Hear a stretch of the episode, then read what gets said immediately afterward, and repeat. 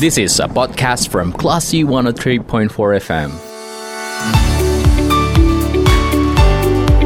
Start your good day with points of view on Classy FM.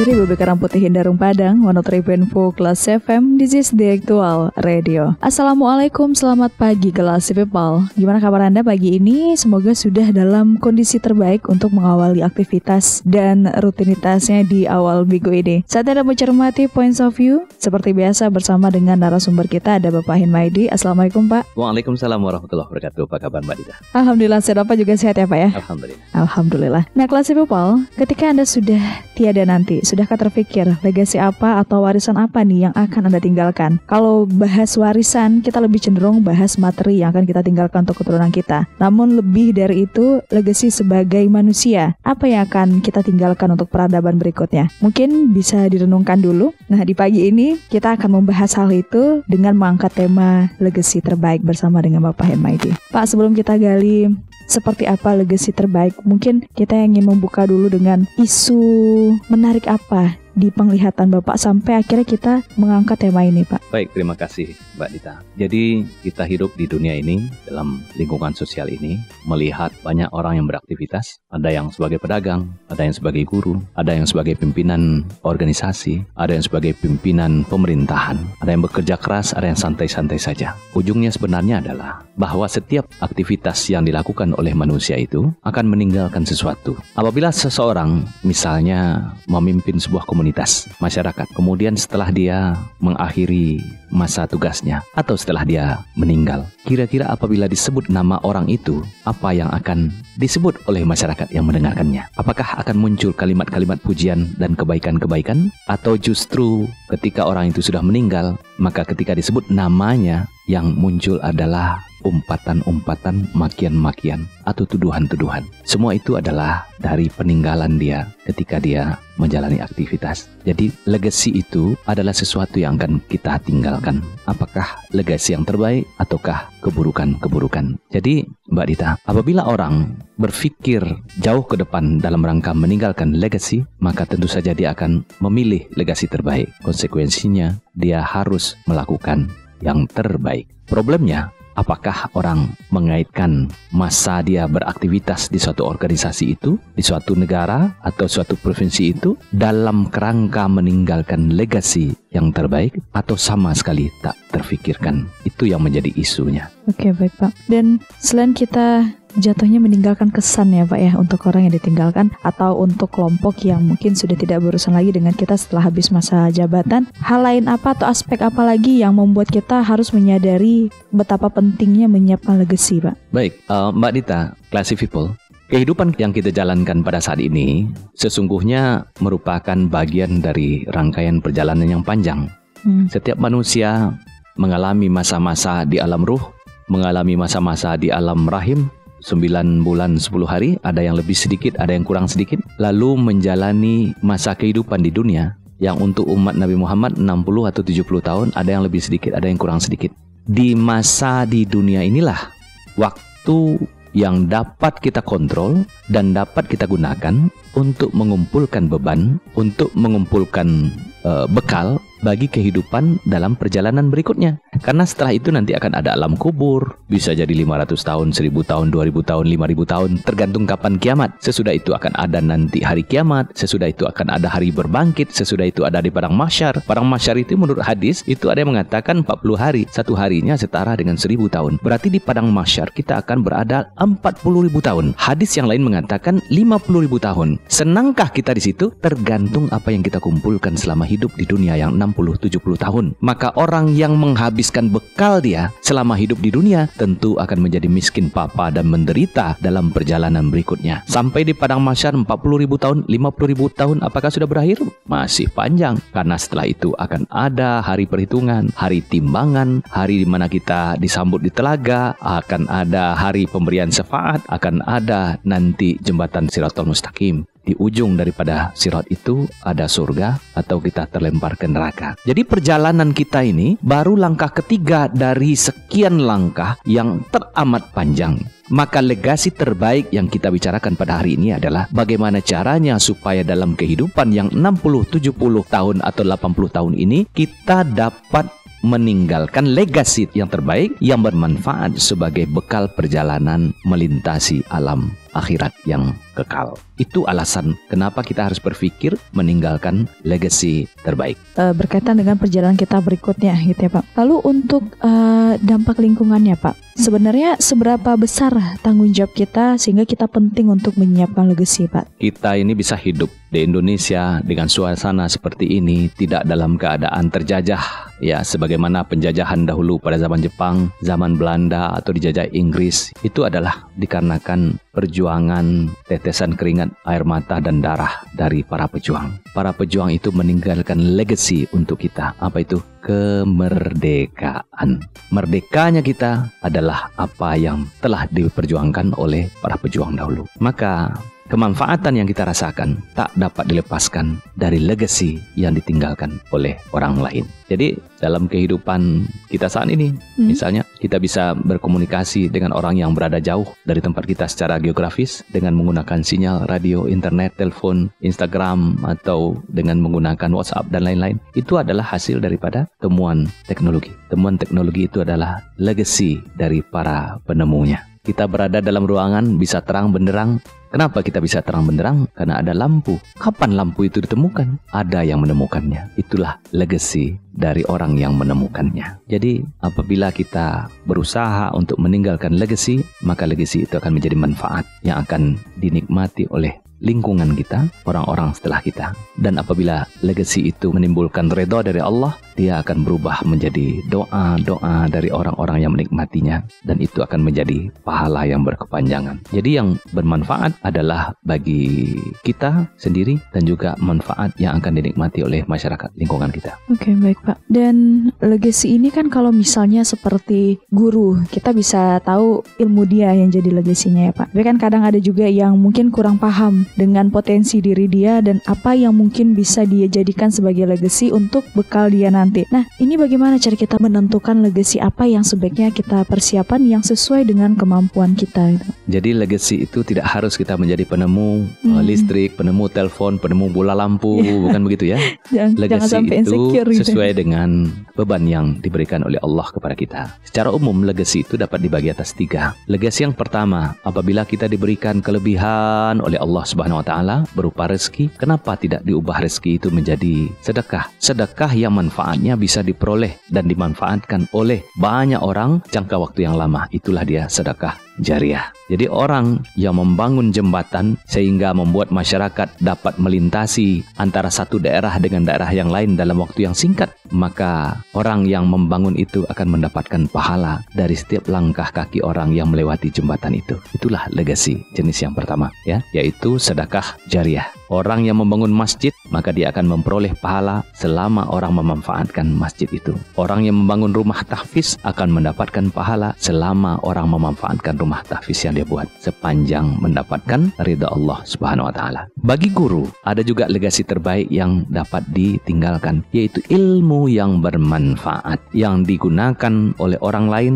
setelah itu berapapun lamanya setelah itu, setelah ilmu itu dimanfaatkan oleh manusia, maka tentu saja selama itu pula pahalanya akan mengalir kepada orang yang membagikan ilmu itu. Itulah legasi dalam bentuk ilmu. Dan tak harus menjadi orang kaya kan. Kemudian tidak punya harta, tidak juga punya ilmu, hmm. tapi diberikan anak maka dia bisa mendidik anaknya dengan baik, menjadi anak yang soleh berbakti kepada orang tua, kepada Allah dan kepada masyarakat. Kemudian anaknya akan menjadi orang yang mendoakan walaupun yang bersangkutan telah mati, telah meninggal dunia, ada legasi yang dia tinggalkan yaitu anak-anaknya yang soleh. Itulah jenis-jenis legasi yang dapat kita buat di dunia ini. Oke, berarti tidak terbatas pada mereka yang memiliki kekuasaan atau dengan privilege-nya yang menurut orang-orang, ah saya tidak punya materi, saya tidak punya kemampuan dan nggak insecure sampai di sana aja berarti ya Pak semua orang tuh sebenarnya punya kesempatan. Iya benar, dapat kesempatan untuk meninggalkan jejak-jejak terbaik. Ibaratkan ke begini, Mbak. Pedati saja lewat ada jejaknya.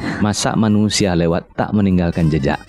Pertanyaannya, jejak macam apa yang akan kita tinggalkan? Apakah yang akan menjadi sebutan-sebutan dan buah bibir dari orang lain atau berubah menjadi umpatan-umpatan. Itu adalah akibat daripada bagaimana cara kita melewati daerah itu. Jejaknya adalah legasi kita. Oke baik Pak. Dan kita juga pasti akan membahas legasi ini mungkin lebih kerucut lagi ya Pak ya mungkin ke beberapa golongan-golongan orang. Tapi kita akan bahas di sesi berikutnya dulu Pak. Kita jeda sebentar kelas People, keep in di kelas FM.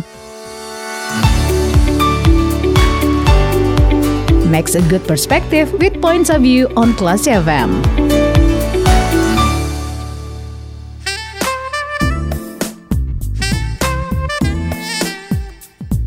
103,4 kelas FM, this is the actual radio. Kelas People, terima kasih Anda masih mencermati Points of View bersama Sri Tendira dan juga Bapak Henmaidi. Tadi kita sudah menjelaskan seberapa pentingnya kita sebagai manusia meninggalkan legasi terbaik yang menjadi bekal untuk kehidupan kita di tahap-tahap berikutnya, tidak hanya di dunia. Dan kali ini kita akan ngebahas lebih spesifik lagi nih, lebih ke beberapa golongan orang ya Pak ya. Dan mungkin kalau bahas legacy yang paling punya tuntutan besar, sebenarnya kita punya tuntutan untuk menciptakan menciptakan legacy ya Pak, tapi yang akan terlihat tuntutannya bagi lingkungan adalah para pemimpin ya Pak. Untuk para pemimpin sebagai pemimpin, legacy seperti apa yang semestinya dipersiapkan ya Pak? Baik, makasih Mbak Dita. Jadi legasi terbaik itu adalah meninggalkan manfaat. Jadi apa pun bentuk legasinya, maka yang dilihat adalah manfaatnya. Maka ketika berusaha meninggalkan legacy, seorang yang diberikan kewenangan atau diberikan amanah sebagai pemimpin harus berpikir apa kemanfaatan yang dapat dia berikan kepada masyarakat yang dipimpinnya selama dia menjalankan amanah itu.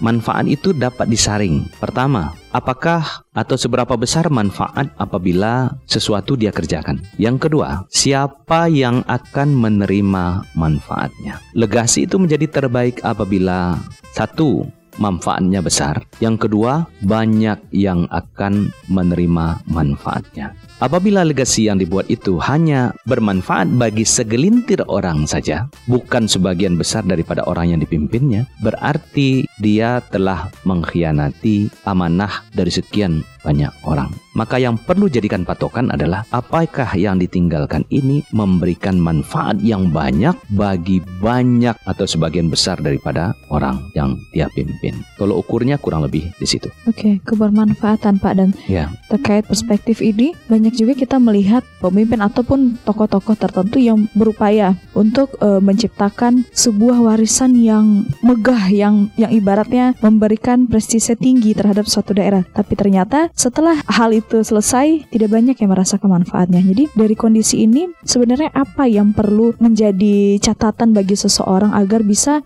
keputusan dia itu memang bermanfaat gitu Pak? Uh, kata kuncinya sebenarnya adalah sincerity, keikhlasan. Keikhlasan di dalam menjalankan amanah dan tanggung jawab. Apakah dia bermanfaat atau tidak nanti itu adalah berkah. Hmm. Ada contoh, misalnya Fir'aun membangun bangunan yang sangat luar biasa pada zamannya yang sampai hari ini pun kita masih pusing memikirkan dengan cara apa itu dibangun patung Sphinx atau membangun piramid. Piramid. Dan bukankah tampak oleh umat manusia pada hari ini betapa hebatnya dia sebagai pemimpin? Tapi pertanyaan berikutnya adalah apa manfaatnya? Manfaat bagi masyarakat dan manfaat bagi yang membangun atau Firaun itulah misalnya. Apakah dia senang di akhirat atau dalam kuburnya pada hari ini? Maka tentu bagi kita, bagi muslim uh, ternyata bangunan yang dibangun untuk menyaingi kecanggihan uh, ilmu Nabi Musa itu sama sekali tak bermanfaat bagi si Firaun. Kita lihat lagi contoh yang lainnya. Betapa banyak kepala daerah atau pemimpin atau pemerintahan yang berusaha meninggalkan jejak berupa hasil pembangunan yang dia ingin dimanfaatkan oleh umatnya. Contoh, pemerintah membangun terminal dengan anggaran begitu banyak, dengan waktu yang cukup menyita uh, sebagian besar energi. Terminalnya sudah jadi, tapi pada akhirnya tak dapat dimanfaatkan. Apa jadi masalahnya? Satu, bahwa dia salah dalam mengambil keputusan. Ya. Bahwa lokasi yang dipilih ternyata tidak didasarkan pada kajian, tetapi didasarkan kepada keinginan. Maka sesungguhnya dia tidak jujur. Apabila di lokasi itu keluarga dia atau dia telah menguasai tanah yang banyak, lalu dia bangun terminal di situ dengan harapan ketika harga naik yang mendapatkan kenaikan harga itu profitnya ada di diri dan keluarga atau kelompoknya maka sesungguhnya dia telah menipu diri sendiri. Dia mengatakan akan memberikan manfaat bagi masyarakat tapi yang menerima manfaat pertama kali adalah dia dan keluarganya. Tidak sincere tidak ikhlas. Sehingga upaya meninggalkan legacy itu pada akhirnya menimbulkan penyesalan penyesalan dari orang-orang yang telah memilih dia Oke, dan salah satu poin yang saya tangkap tadi salah mengambil keputusan juga ya Pak ya. Dan saya coba ambil poin, berarti ketika kita berharap sebuah legacy, keputusan adalah poin utama juga dan itu akan berpengaruh juga terhadap tanggung jawab kita ke peradaban berikutnya setelah kita berarti ya Pak. Sangat, sangat berpengaruh. Jadi keputusan yang diambil salah boleh, tetapi ketika keputusan itu diambil dikarenakan ada kepentingan lain yang dia sembunyikan, maka sesungguhnya dia tak jujur. Salah boleh, tak jujur jangan. Berarti balik ke kemurnian niatnya ya Pak. Betul. Kalau niatnya murni, insya Allah manfaatnya ya memang sesuai dengan yang disampaikan. Mm-mm. Karena pada akhirnya kemanfaatan itu adalah berkah. Berkah berasal dari Allah. Maka apakah Allah akan menjadikan peninggalan itu bermanfaat bagi orang lain, menjadi berkah bagi dia atau tidak? Maka itu sangat tergantung. Apakah Allah redha dengan apa yang dia kerjakan? Itu kan sebagai pemimpin ya Pak, tapi sebenarnya kita kan pasti pernah menjadi pemimpin walaupun dalam kelompok yang kecil, tapi rata-rata orang melihat pemimpin itu dengan skala yang besar. Nah, sebagai seorang pribadi deh Pak, kalau kita tidak mengelompokkan sebagai pemimpin, legasi seperti apa yang bisa kita tinggalkan Pak sebagai pribadi perseorangan nih Pak? Kita meninggalkan legacy sesuai dengan apa yang kita mampu ya. Hmm. Tapi setiap orang dapat menjadi orang baik. Sebagai ilustrasi, kita bergabung dalam sebuah komunitas. Di dalam komunitas itu komunikasi tidak tidak berjalan. Orang saling curiga. Senyum sangat mahal. Rasa hati menjadi sempit dikarenakan tak ada silaturahmi. Tiba-tiba masuk ke komunitas itu seseorang yang sangat supel dalam bergaul, baik hati, sopan dan santun sehingga dia menjadi perekat. Dia dapat melembutkan orang yang saat ini keras. Dia dapat menghubungkan orang yang salah salah paham pada akhirnya tercipta suasana yang lebih nyaman, lebih uh, menyenangkan dikarenakan kehadiran seseorang itu. Maka hanya dengan itu pun ketika dia sudah meninggal orang akan menyebut-nyebut. Legasi dia adalah dia mampu meninggalkan suasana silaturahmi yang luar biasa. Silaturahmi yang luar biasa di masyarakat kita ini. RT kita ini menjadi kuat persaudaraannya, beliau dahulu yang memulainya. Itu kan legasi. Dan setiap orang sekali lagi bisa menjadi orang baik. Tapi tak semua orang bisa jadi orang kaya. Tak semua orang bisa memiliki pangkat yang tinggi, tapi semua orang bisa menjadi orang baik dan menjadi baik dapat meninggalkan keredaan Allah dan meninggalkan legacy. Oke baik Pak. Nah ini saya mau minta pandangan Bapak tapi tidak bermaksud untuk uh, menghakimi kelompok tertentu menjadi orang baik. Setiap orang kan punya perspektif dalam mendefinisikan menjadi orang baik ya Pak. Ada yang memang baiknya yaitu ingin bermanfaat untuk sekitarnya. Ada juga yang baik dalam artian uh, dia fokus pada dirinya uh, melakukan yang semestinya sesuai aturan, tidak mau merugikan orang lain, tapi tidak mau juga dirugikan orang lain. Cuma ya itu Pak, minim interaksi dia hanya fokus menjaga dirinya sendiri berjalan di jalannya saja. Nah ini seperti apa Pak? Bisa saja begitu, tetapi kalau kita bicara manfaat, apakah kebaikan itu mau disimpan, disimpan dan dinikmati sendiri, atau kita ingin menebarkan kebaikan kepada orang lain? Khairun nas, manusia yang terbaik adalah orang yang paling bermanfaat bagi orang lain. Maka orang yang hanya sibuk dan memikirkan yang penting saya tidak ganggu orang lain. Hmm. Yang penting saya fokus dengan uh, tugas, fokus dengan kewajiban sehingga saya bisa nyaman, saya tak ganggu orang lain. Orang seperti itu bisa saja dia merasa hidupnya nyaman-nyaman saja, akan tetapi dia telah meninggalkan sesuatu peluang yang luar biasa, yaitu peluang menebarkan kebaikan kepada orang lain. Bukankah kebaikan itu akan kembali kepada dia juga? In ahsantum ahsantum li anfusikum wa in asatum falaha. Apabila engkau berbuat baik, maka sesungguhnya kebaikan itu adalah untuk dirimu sendiri. Apabila engkau berbuat buruk, maka keburukan adalah untuk dirimu sendiri. Jangan sampai pada akhirnya ketika masa telah habis kita kemudian menyesal. Alangkah sedihnya. Coba kalau dahulu saya begini, saya begitu. Dan itu diucapkan ketika waktu tiada lagi. Satu lagi nih Pak, ini apa isunya ya, kelompok milenial dan Gen Z nih Pak, karakter introvert. Nah ini nih um, sering menjadi tameng untuk tidak bersosialisasi, tapi memang mungkin sebagian introvert memang tidak nyaman untuk bersosialisasi, akhirnya sulit membangun interaksi dengan lingkungan, otomatis sulit juga untuk berbagi dengan lingkungan. Nah ini bagaimana Bapak memandangnya? Be the best of you. Saya sepakat dengan itu. Kalau memang orang itu memiliki kelebah, kelebihan dalam berinteraksi dengan orang lain, maka dia akan sangat bermanfaat apabila kelebihannya itu dia manfaatkan. Namun sebaliknya, ketika dia memiliki kekurangan dalam hal tertentu, tidak pandai berkomunikasi, mm -hmm. malah kalau berkomunikasi khawatir orang nanti akan terganggu dikarenakan tidak pandai berbicara dan sebagainya, lalu dia khawatir, ya kekhawatiran itu membuat dia akhirnya ya sudah saya begini saja. Be the best of you. Jadilah orang yang terbaik dari diri Anda sendiri tak harus meniru orang lain. Para sahabat juga kayak gitu. Para sahabat memiliki kelebihan masing-masing. Ada yang kelebihan harta, ada yang kelebihan dalam kemampuan menetapkan hukum, ada yang punya kelebihan dalam menghafal hadis-hadis Nabi, ada yang punya kelebihan dalam bacaan-bacaan Al-Quran. Tidak semua orang menjadi rujukan untuk bacaan Al-Quran. Kalau mau belajar Al-Quran, belajarlah Ibnu Mas'ud. Hmm. Kalau ingin belajar uh, tentang hukum, belajar pada sahabat yang lain. Begitu. Kalau belajar tentang uh, kata saja uh, tentang halal dan haram, belajarlah sama Abdullah bin Umar. Jadi tak semua orang harus menguasai semua hal, tetapi be the best of you. Itu bukan merupakan suatu yang dapat kita kategorikan sebagai egois, bukan. Tetapi dia menjadi yang terbaik dengan keadaan dia. Dan kita terima itu. Hmm. Jangan paksa semua orang sesuai dengan apa yang kita mau. Biarkan dia menjadi terbaik untuk diri dia. Oke, menarik sekali Pak. Dan selain kita membahas kalau tentang warisan, pasti ada masa mempersiapkan ya Pak ya. Cuma yang membuat kita sulit adalah kapan kita mulai mempersiapkan mempersiapkannya gitu ya Pak. Tapi kita akan bahas di sesi berikutnya Pak. Kita tahan dulu sebentar dan kelas Popal jangan ke mana-mana, keep in tune di kelas FM.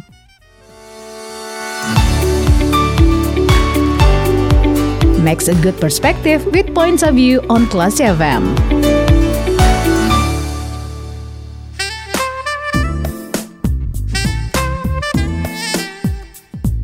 103,4 kelas FM This is the actual radio. Kelas people Kita sudah sampai di sesi terakhir dalam program Points of View hari ini. Dan tadi kita sudah bahas di sesi 2 Seperti apa legasi terbaik bagi pemimpin Atau bagi kita seorang pribadi eh, Yang bisa kita tinggalkan dan juga yang menjadi bekal untuk kehidupan berikutnya. Nah kelas people saya juga mau bertanya nih dengan Bapak Maidi Mungkin ada yang sedang di fase quarter life crisis Pak. Banyak banget itu di TikTok, di Instagram video-video yang mengungkapkan keluh kesah dan anxiety dari kelompok yang berada di usia tersebut uh, karena mungkin mereka punya tujuan untuk bisa menjadi terbaik di masa depan dengan harapan mereka bisa bermanfaat untuk sekitar, meninggalkan legasi terbaik dan kalau dari tujuannya kan baik ya Pak ya ingin uh, menciptakan legasi terbaik. Namun kan untuk mencapai proses terhadap sesuatu yang sudah kita standarkan, sudah kita patok itu tidak gampang dan banyak juga yang terjebak dengan kekecewaan karena tidak mampu mencapai standar yang sudah mereka tetapkan tersebut. Nah, melihat fenomena ini, Pak, bagaimana mindset yang semestinya ditanamkan agar mereka yang berada di posisi ini bisa menjalaninya dengan hidup yang tenang, tapi tetap bisa memberikan legasi terbaik untuk diri mereka dan juga lingkungannya. Oke, baik, Mbak Dita.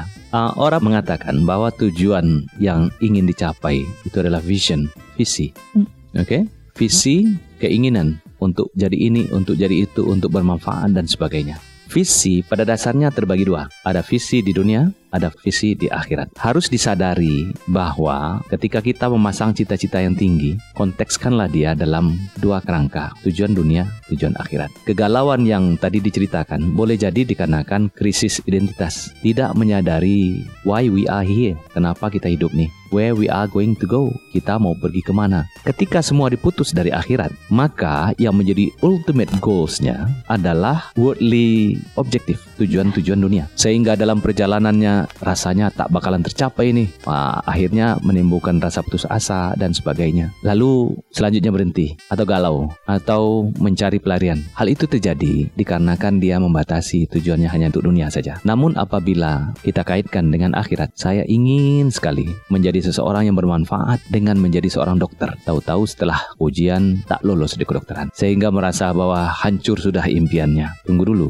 menjadi dokter untuk apa? Ya niat saya baik supaya saya bisa menolong orang-orang miskin, supaya bisa nanti saya uh, memberikan uh, bantuan tanpa perlu dibayar untuk menolong orang-orang yang saat ini telantar, yang tidak punya akses kepada kesehatan yang layak dan sebagainya. Itu cita-cita, tapi ternyata untuk ujian pun tak lewat. Akhirnya putus asa. Kalau kita kontekskan sampai ke akhirat, maka yang kita butuh adalah kan kemanfaatan. Hmm. Bahwa saya ingin menjadi bermanfaat ketika saya menjadi dokter. Manfaat itu untuk apa? Supaya nanti benefitnya diterima lagi di akhirat. Berarti yang kita butuhkan adalah pahala. Yang kita butuh adalah ridho dari Allah. Apakah hanya dengan menjadi dokter mendapatkan pahala dan ridho dari Allah? Apakah hanya dengan menjadi dokter kita bisa bermanfaat bagi orang lain? Kalau misalnya setelah kita berjuang tetapi itu tidak tercapai, jangan khawatir. Sepanjang proses yang kita jalani adalah proses yang mendatangkan ridho Allah. Sesungguhnya keberhasilan bukan pada hasilnya. Keberhasilan adalah dari proses yang kita jalani. Jadi kalau tidak berhasil mencapai apa yang diimpi-impikan, sepanjang prosesnya kita jalani tanpa proses nyogok, tanpa proses nyontek, tanpa proses mencurangi, tanpa proses menjadi joki atau mencari joki, selama prosesnya sudah maksimal dan benar, kita puas. Saya jalani ini dengan sungguh-sungguh, Allah memberikan takdir yang lain. Saya akan menuju takdir itu dan saya akan lakukan terbaik walaupun tidak sesuai dengan apa yang saya impikan di awal. Berarti yang perlu dipahami visinya dulu apa gitu ya Pak? Visinya apa dan visi harus dibagi. Visi dunia, visi akhirat. Pastikan apabila visi dunia tercapai mampu membawa satu langkah lebih dekat ke sorga. Jadi kalau impian misalnya saya ingin menjadi seorang influencer yang kata-kata saya akan didengarkan oleh orang lain melalui menjadi seorang youtuber ya, lalu dia kejar-kejar cara untuk menjadi youtuber. Pokoknya asal terkenal, asal banyak followernya, asal banyak subscribernya. Subscriber.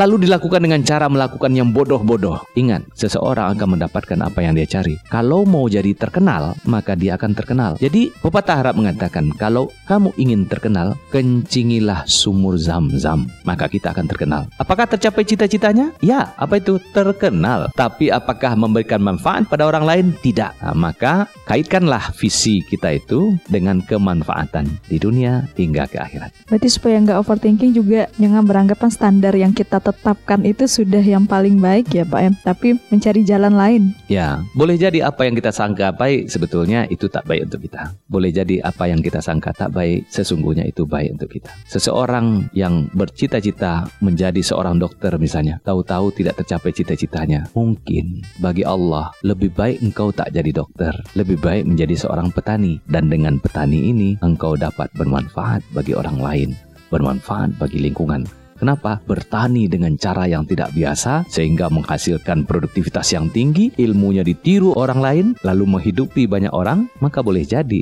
apa yang awalnya tidak kita suka, itulah yang terbaik untuk kita. Sadari itu. Jadi kita berjuang fighting boleh, tetapi ketika hasilnya sudah diperoleh, takdirnya telah menunggu kita, maka syukurilah di mana pun keadaan kita. Bersyukur juga jadi poin yang berkaitan dengan uh, materi kita hari ini di kelas people dan uh, terkait dengan legacy terbaik yang akan kita tinggalkan Pak. Semestinya sejak kapan sih Pak uh, kita mempersiapkan legacy ini Pak? Dari sekarang. Apabila engkau berbuat bisa berbuat baik pagi hari, jangan ditunggu sore hari. Kita tidak tahu apakah kita masih akan ada usia nanti. Jangan-jangan kita ditunggu siang hari oleh malaikat maut. Apabila engkau bisa berbuat baik sore hari, jangan ditunggu pagi harinya.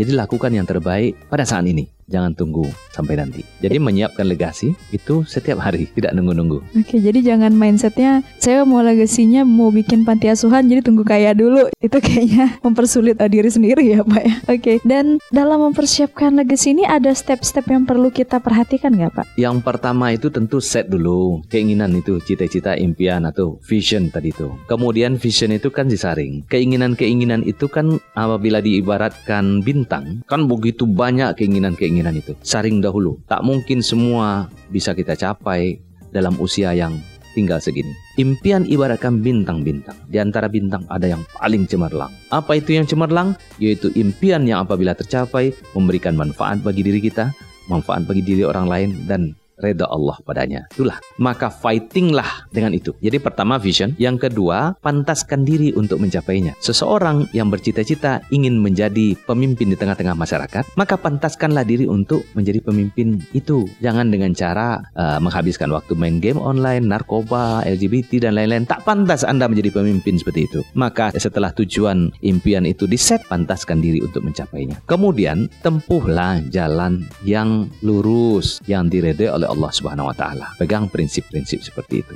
Setelah dijalani itu semua, fatawakkal ilallah. Maka bertawakal saja kepada Allah. Selesaikan urusan tawakal kita kepada Allah, maka selanjutnya biarkan Allah yang membukakan jalannya ke sana. Oke baik Pak dan kita sudah banyak membahas berbagai aspek terkait dengan legasi terbaik ini Pak. Jadi pada dasarnya Pak tujuan dan sasaran dari pembahasan kita kali ini untuk apa Pak? Tujuan pembahasan kita pada hari ini adalah agar setiap kita start from now mulai dari sekarang berpikirlah untuk meninggalkan jejak-jejak terbaik di mana pun kita berada pada saat ini. Apakah kita sebagai mahasiswa tinggalkanlah jejak terbaik. Apabila kita saat ini sebagai pelajar tinggalkan jejak terbaik. Apabila Bila kita sekarang orang nakes tenaga kesehatan di rumah sakit, tinggalkanlah jejak yang terbaik. Jejak yang terbaik adalah sesuatu yang akan dikenang oleh orang lain, jadi buah bibir orang lain. Tetapi ingat, bukan itu yang kita inginkan. Yang kita inginkan adalah dia menjadi modal untuk hidup di akhirat yang kekal.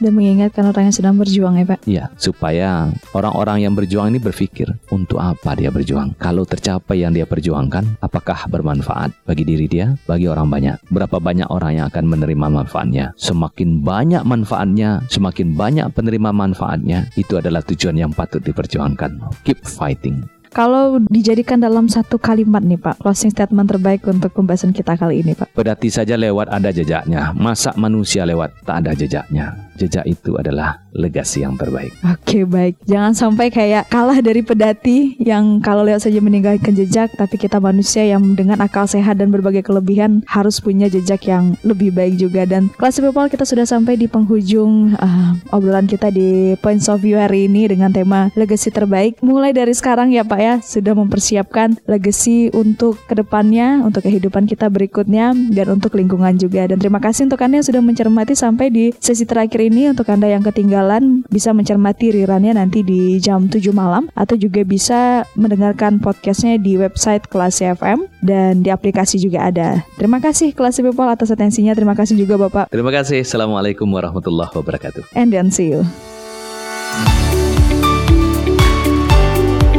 Points of View. We'll be back on next week. See you.